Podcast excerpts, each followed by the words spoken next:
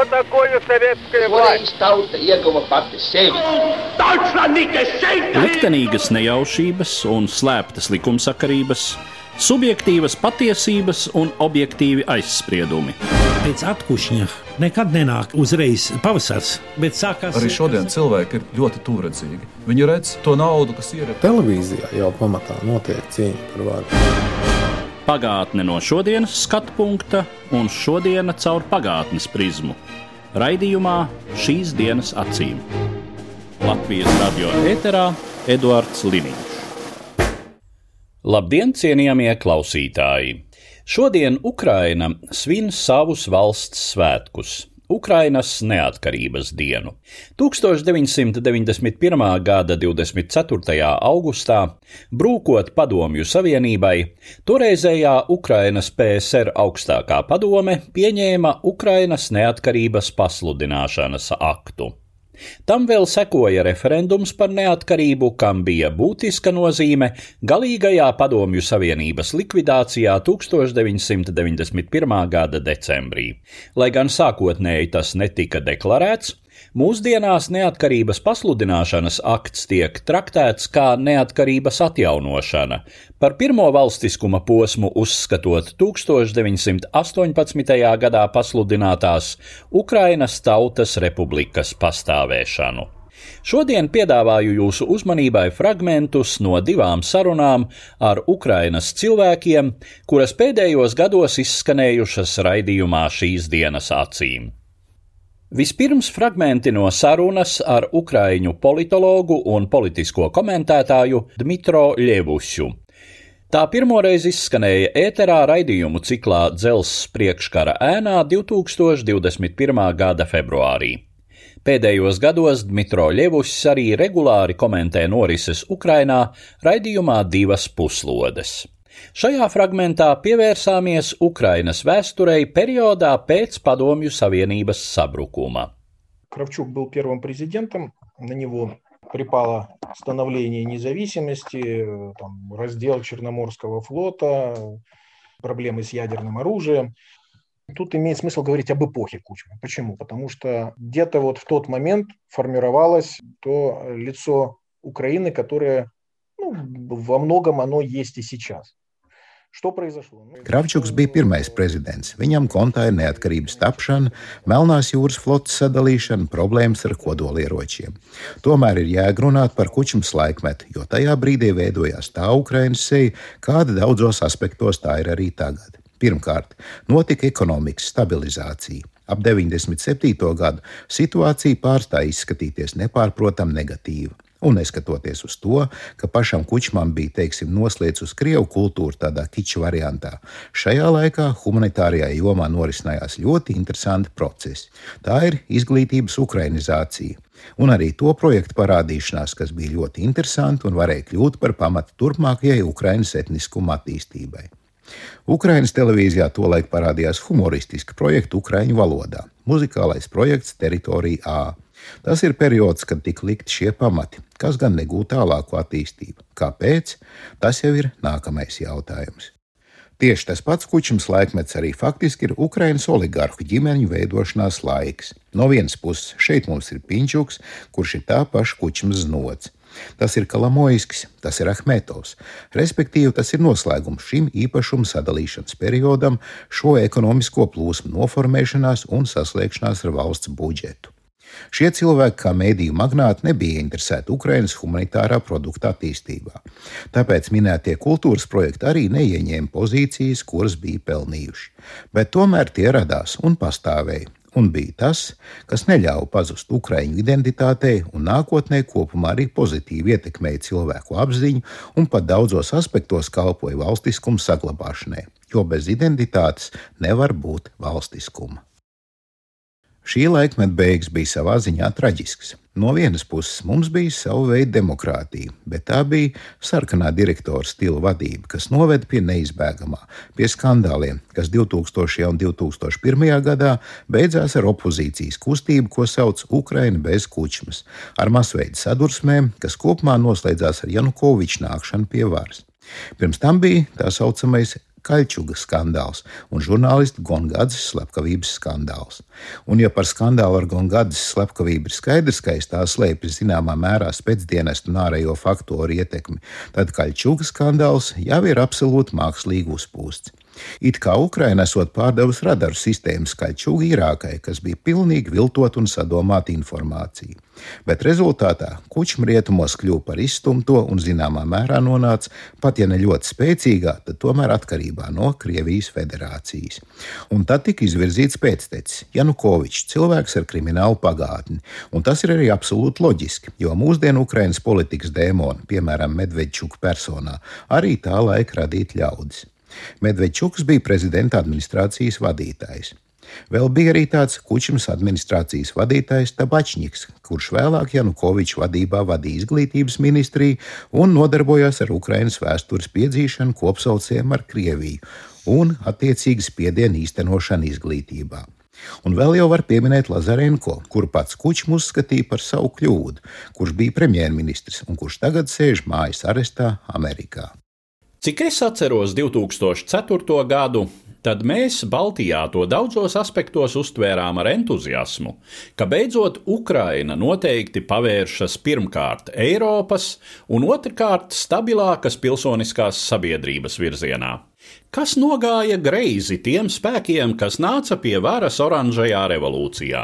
Kāpēc Viktora Juščenko un viņa domu biedru pirmām kārtām Jūlijas Timošenko varas periods bija tik īss un noslēdzās ar to, ka faktiski Juščenko, vismaz saskaņā ar statistiku, kļuva par visnemīlētāko prezidentu Ukrainas jaunā valstiskuma vēsturē? Как по мне, проблема как раз во многом возникала в том числе и из-за завышенных э, ожиданий и, как вы правильно было отмечено, э, из-за разнородности команды, которая пришла вместе с Ющенко.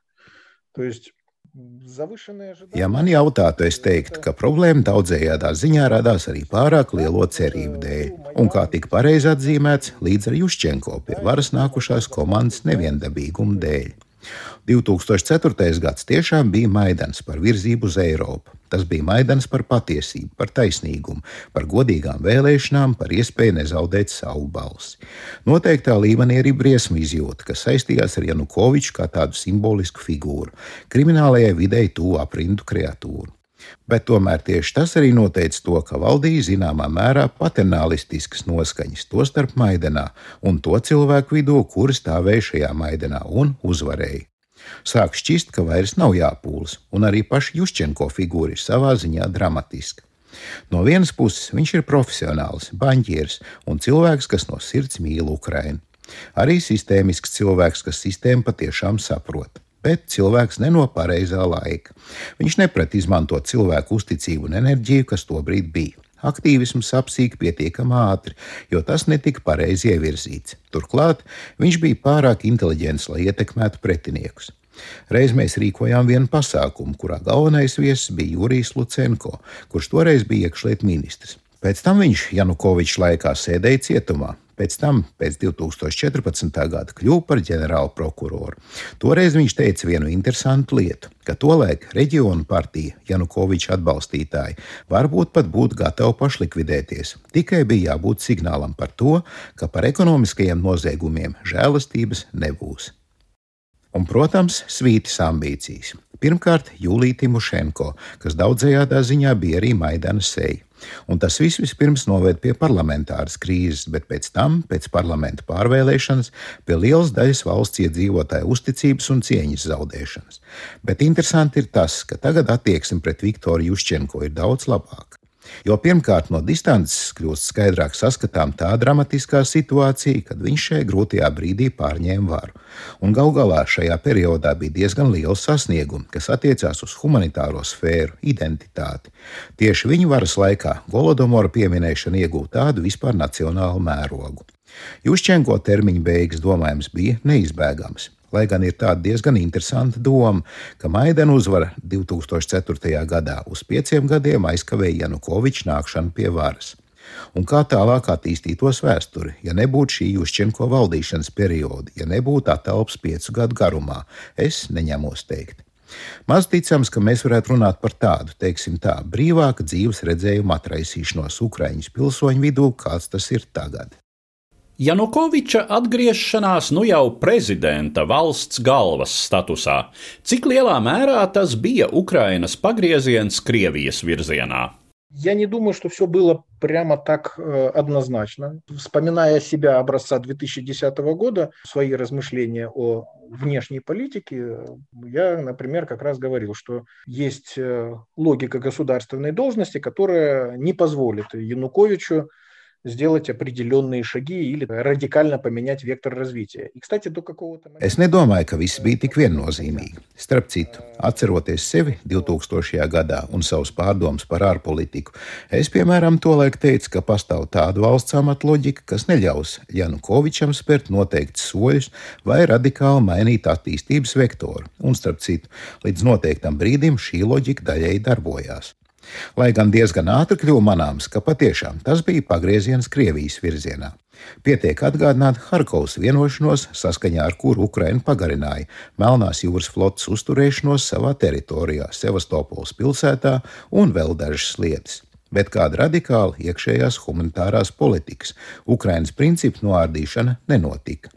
Vēlāk jau savu lomu sāk spēlēt tieši padomju mentalitāte. Tas dabiski noved pie tik ļoti specifiskām lietām pārvaldībā, un arī amata svarīguma izjūta savā ziņā noved pie realitātes izjūtas zaudēšanas.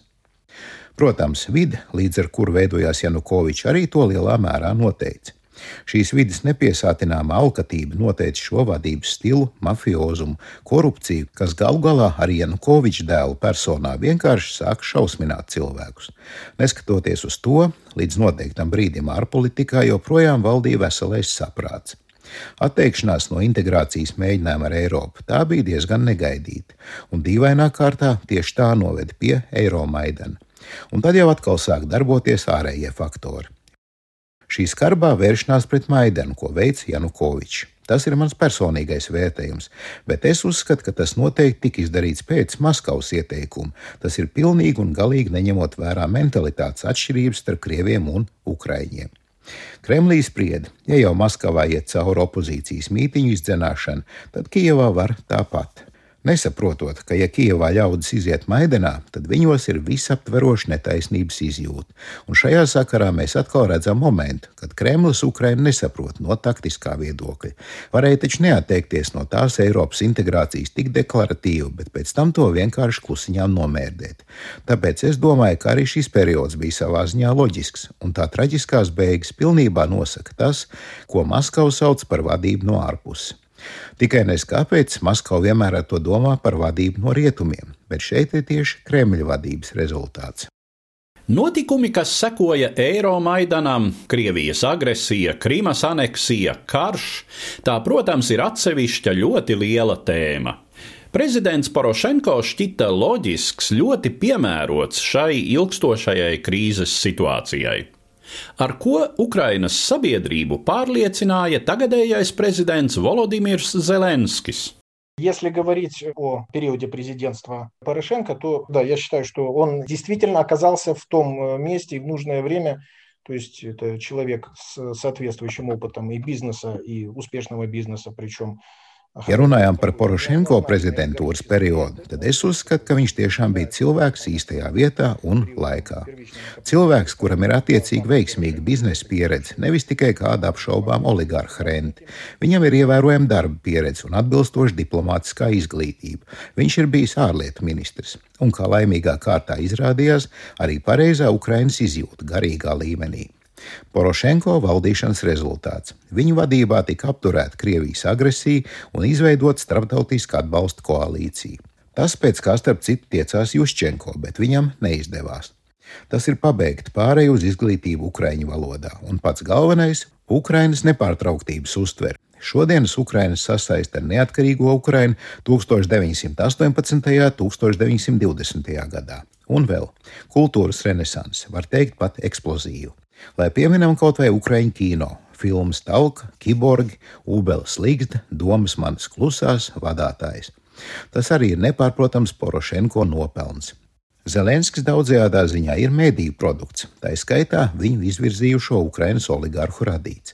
Turklāt tas nav tik daudz Zelenska reitings, cik Porošenko antireitings, kas tostarp ar oligarhu mediju palīdzību ir veidots kopš 2016. gada. Un ir zināms, es uzskatu kļūdas, uztverot Ukraiņas pilsoņus kā tādus, kuriem šī Ukraiņu identitātes konstruēšana ir visiem ļoti svarīga.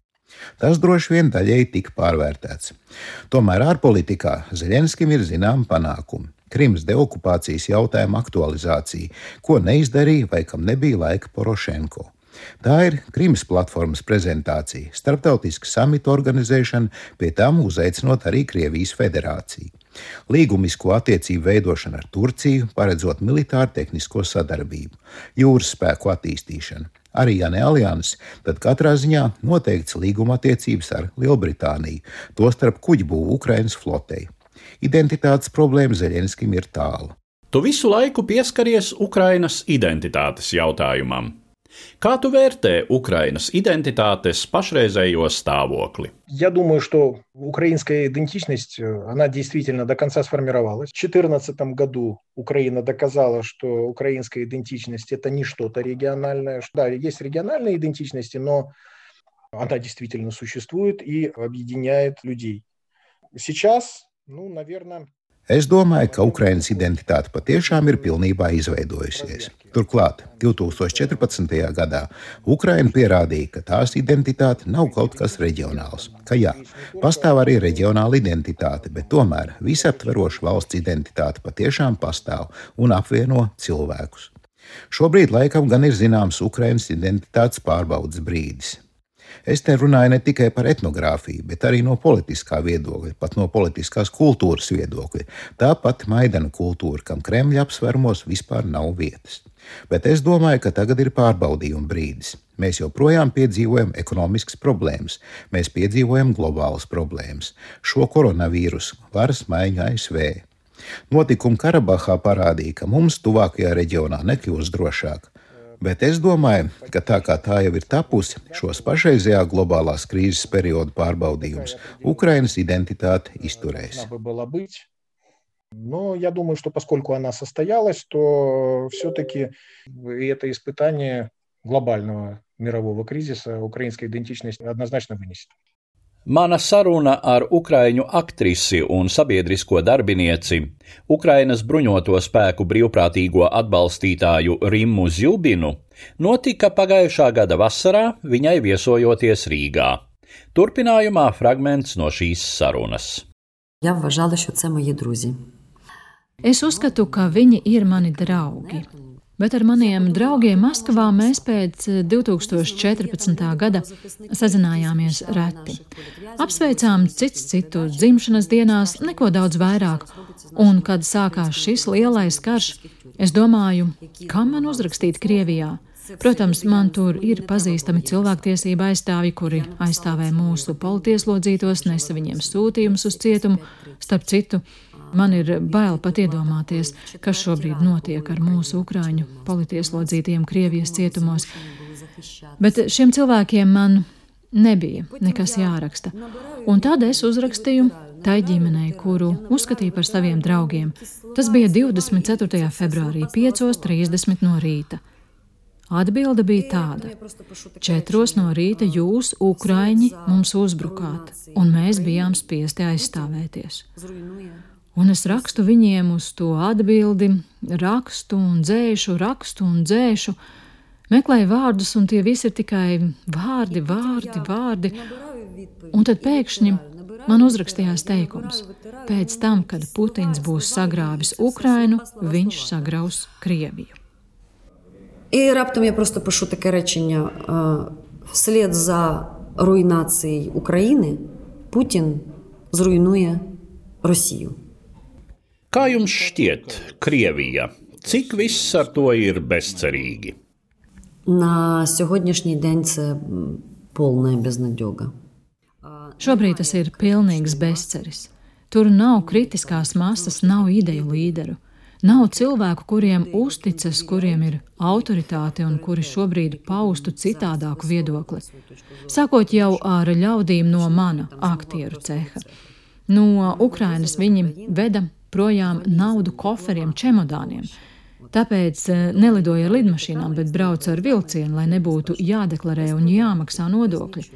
Mūsu honorāri dolāros atšķirās par vairākām nulēm. Viņiem bija radīti visi vislabākie apstākļi. Cik no viņiem kaut ko ir pateikuši? Nu, labi, tu baidies izteikties. Tad paņem kādu daļu no honorāriem, kurus tu kaut pēdējo astoņu gadu laikā esi nopelnījis Ukrajinā, un pārskaiti. Ne jau armijai palīdz kādai ģimenei, kurai nodegus māja, palīdz kādam bērnam, kuram viņa acu priekšā nošauši mammu un tēti, atver viņam kontu bankā, nodrošina to bērniņu. Bet nekas tāds nenotiek. Mēs baidāmies, ka pēc kāda laika Ukrainas kino industrijā atkal parādīsies tie labie krievi, kuri būs atbalstījuši pareizo pusi, un to atkal stāvēs tajā filmēšanas laukumā par saviem 50 dolāriem, bet viņi par 500 vai tu par 500, viņi par 5000. Bet no otras puses, Lija Ahidžākova. Kas viņa ir? Ukrainas vai Krievijas aktrise. Mēs ar viņu piedalījāmies vienā Zoom iestudējuma projektā. Lietuviešu dramaturga Mārjusi Ivaškeviča Lugas bezsamaņa lasījumā, ko producēja Jevgeņija Šermeņeva un režisēja Oskars Koršanovs. Viss notika Zoom platformā, bet bija ļoti interesanti.